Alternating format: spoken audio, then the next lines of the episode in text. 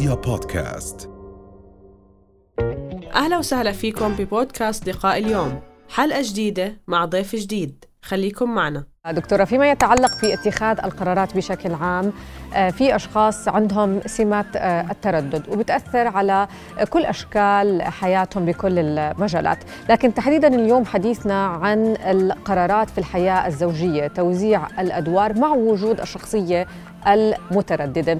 قد إيه ممكن يأثر عدم التوزيع الصحيح للقرارات بين الزوج والزوجة؟ ومن ثم من ثم رح نتحدث إذا كان إحداهما متردد شو بتكون النتيجة؟ هلا إحنا بنعرف إنه التردد هي سمة من سمات الشخصية لكل الناس لكن إذا زاد هذا التردد في كل القرارات وفي كل المواقف وفي كل الأحوال فهذا الشخص لن يكون آه، يهنأ بحياته أو يعيش حياة سعيدة أو آه، يكون مرتاح. لأنه التردد هي من السمات اللي بتتشكل عند الأشخاص نتيجة أسباب معينة. وهذا التردد سيؤثر على الحياة الزوجية مش بس إنه في هو في حياتنا الزوجية التردد المتردد يظهر ذلك غالبا في أغلب المواقف الحياتية سواء في العمل في العلاقات وفي الزواج بشكل خاص نعم. لكن هناك بعض القرارات المصيرية أو بعض القرارات المهمة في حياة الإنسان آه، يتخذها مثلا في الزواج في مواقف معينة مشتركة بين الزوجين فكرة أنه حتى لما يختار شريك الحياة فكرة أنه حتى إذا مثلا ما انسجم مع شريك الحياة هناك قرارات قد تكون آه، مضللة ولا يستطيع الشخص أن يتخذ ما يريده هو فبالتالي هو يغرق في آه، حياته بالتالي بيشعر بفكر حاله أنه حياته ماشي بطريقة سوية لكن لما يطلع على جسمه على علاقاته على حياته لا تسير بالشكل الصحيح. هنا التردد هو السبب في أنه مش عارف كيف بده يكون في علاقته الزوجية وفي العلاقات المصيرية بالذات في حياته. نعم دكتورة ذكرتي إشي كتير مهم. فكرة أنه هو التردد هو أثر أو نتيجة لأسباب معينة. فنحن يعني مشان ما نحاكم الاشخاص إحنا معظمنا بنكره صفة التردد في حالنا مثلا لما نتردد في شيء واحيانا بشكل عام ما بنحس بالارتياح مع الأشخاص المترددين لأنهم بيغلبوا أحيانا في اتخاذ القرارات. فشو الأسباب اللي بتؤدي للتردد؟ كيف يعني حياتنا تنشئتنا ممكن تفرز شخص متردد؟ هلا إحنا لما نشوف حالنا مترددين يمكن الشخص المتردد هو آخر حدا بشوف حاله إنه عنده هاي السمة بس بيشعر بنتائجها. يعني بيعرف إنه مش عارف ياخذ قرار بس مش عارف إنه هو متردد وليس لديه القدرة على اختيار القرار. من أهم الأسباب أو المتهم الأول بالموضوع التردد اللي هو الخوف. الخوف دائما بقول أسوأ المشاعر بتسيطر علينا. شو بيعمل هذا الخوف؟ الخوف بخليك إنه لما بدك تاخذ قرار وخاصة قرار مصيري بخليك ترجع عن قرارك وتضلك تعيد التفكير. وهلم جرا يعني أرجع ثاني آه، أضلني أفكر ثاني يعني ضلني دائما كل مرة زي ما آه، ورد إنه كل مرة بضلك تفكر بنفس الأفكار لكن ما بتوصل لحل ما بتتخذ قرار. بس عم بتفكر وال overthinking كمان هي سبب ونتيجة من نتائج التردد. والخوف لما يسيطر علينا مش بس بيأثر على آه، بس قراراتنا هو رح يأثر على سير حياتنا.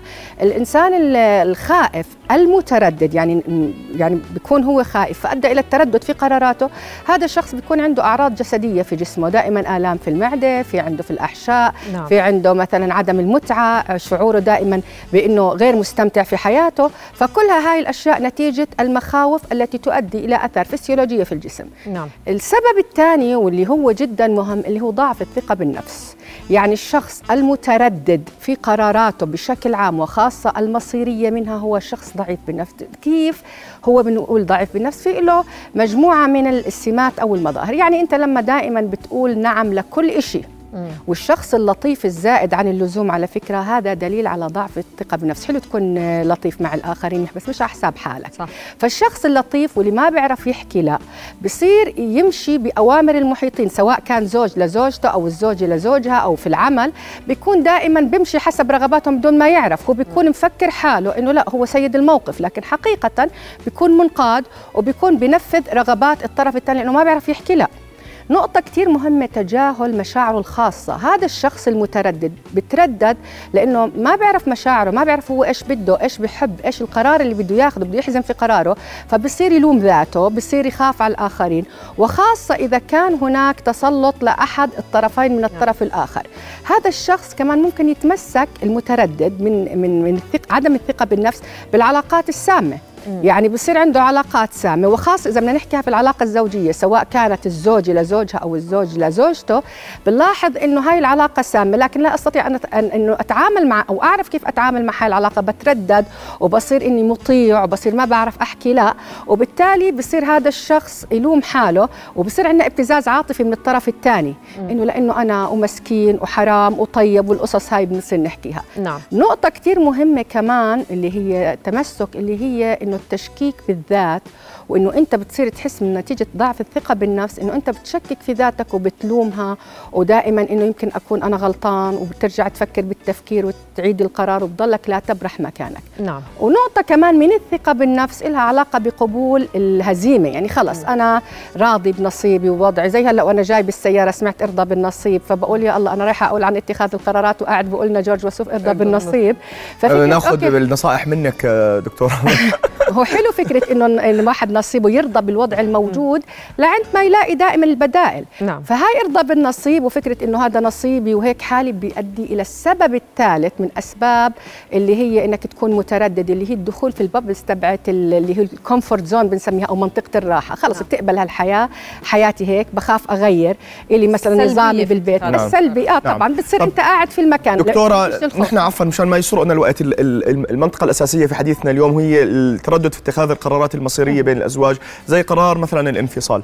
يعني أحيانا في أشخاص ما بيكونوا مرتاحين بيكونوا عم يفكروا في الانفصال ثلاث أربع سنين وهم عم يفكروا فيه. بيجي ثلاث أربع أولاد وهم عم بيفكروا في سنة كمان. آه وهم عم بيفكروا في في الانفصال.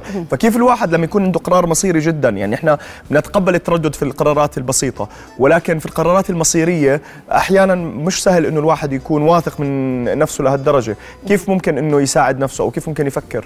إحنا دائما أنا بحكي ما بندعو للانفصال والطلاق حتى ما ينفهم الكلام إنه إحنا كل مشكلة بتواجهك روح اعمل انفصال. لا هذا آه، والتسرع غلط والتردد كمان غلط. يعني الإكستريم بأي شيء بيكون دائما غير مريح مريح للشخص. نعم. نحن هون نقول للأشخاص اللي فعلا بيتخذوا قرار خاطئ بحياتهم نتيجة الارتباط. إحنا بنحكي عن الحياة الزوجية هنا نقول إنه التردد في اتخاذ القرار هو لا يحل مشكلة بالعكس عم بيزيد الأسباب التي تجعلك تتردد دائما.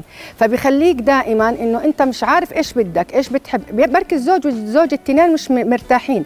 بس بتمسكوا بهذا القرار إنه ما في قدرة على التخ... مش حازم الشخص سواء الزوج أو الزوجة. مش حاسمين باللي بدهم إياه. نتيجة الأسباب اللي أنا حكيت جزء منها طبعا. نعم. بس فيما يتعلق بقرار الانفصال والتردد هو أمر صحي.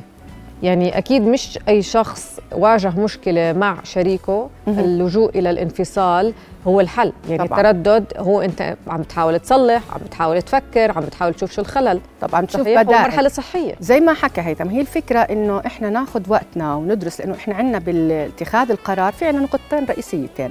النقطة الأولى اللي هي الحدس أو المشاعر، المشاعر الغريزية اللي بيكون عليها الإنسان بفكر بمشاعره، والنقطة الثانية المنطق، هلأ إذا اعتمد على واحدة فيهم قراره دائما ما بده يكون موزون، لكن اعتمادنا على المشاعر واللي هي الغريزية واللي إحنا بدنا إياه واللي بنحبه والرغبة والمنطق، بدنا نشوف الحقائق وبدنا نشوف النتائج، بدنا ندرس الموضوع، إذا إجى هذا التوازن يكون الاختيار اللي اخترته أنت مناسب، بغض النظر إنه شيء إيجابي أو شيء سلبي إذا بدنا نيجي نحكم عليه بالخاصة في الحياة الزوجية.